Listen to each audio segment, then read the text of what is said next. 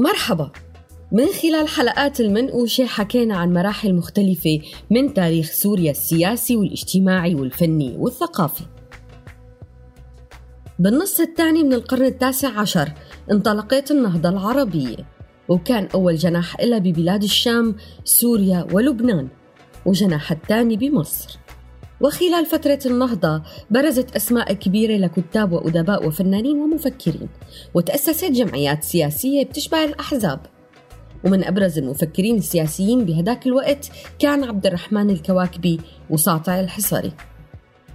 أما الصحافة فتأخر ظهورها بالوطن العربي لسنة 1831 وكانت أول بوادر الصحافة السورية سنة 1865 وقت أصدر الوالي العثماني بدمشق جريدة رسمية باسم سوريا باللغتين العربية والتركية.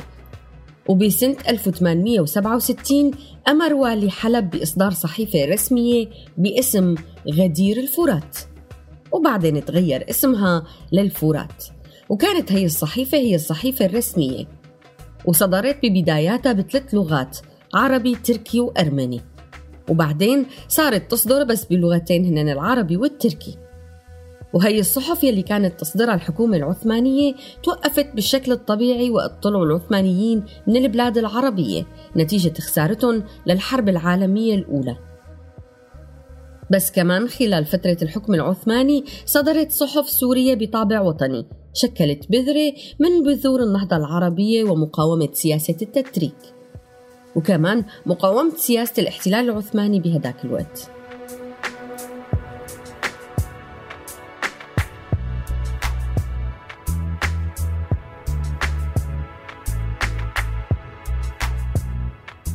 وأول صحيفة سورية غير حكومية صدرت بحلب سنة 1877 كان مؤسسها المفكر السوري عبد الرحمن الكواكبي بالاشتراك مع هاشم العطار. وكانت بتحمل اسم جريدة الشهبة. بس كامل باشا والي حلب بهداك الوقت أمر بتعطيل الصحيفة عدة مرات. وآخر مرة أمر بالإضافة لتعطيلها بالحجز على مطبعتها وإنها تنحط تحت رقابة الولاية العثمانية.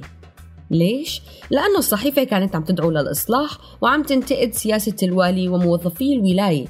بس الكواكبي ما استسلم قدام السلطات العثمانية. وقرر يكمل المشوار. فأصدر سنة 1879 صحيفة أسبوعية حملت اسم الاعتدال. وهالمرة ما كانت باسمه كانت باسم تاني لمواطن عربي اسمه سعيد ابن علي شريف. بس كمان صحيفة الاعتدال توقفت بأمر من الوالي جميل باشا لخطورتها بنظر الحكومة العثمانية على الأمن العام. وعلى فكرة عبد الرحمن الكواكبي كان محرر كمان بجريدة الفرات لمدة 22 سنة لوقت توقفت الجريدة سنة 1922 وهيك بلشت الصحافة السورية مع صحيفة الشهبة وصحيفة الاعتدال كصحافة وطنية حرة قدرت تتمرد وتغرد خارج سرب الوصاية العثمانية وحاربت بإخلاص بسبيل التحرر من العثمانيين وتحقيق النهضة العربية. Thank you.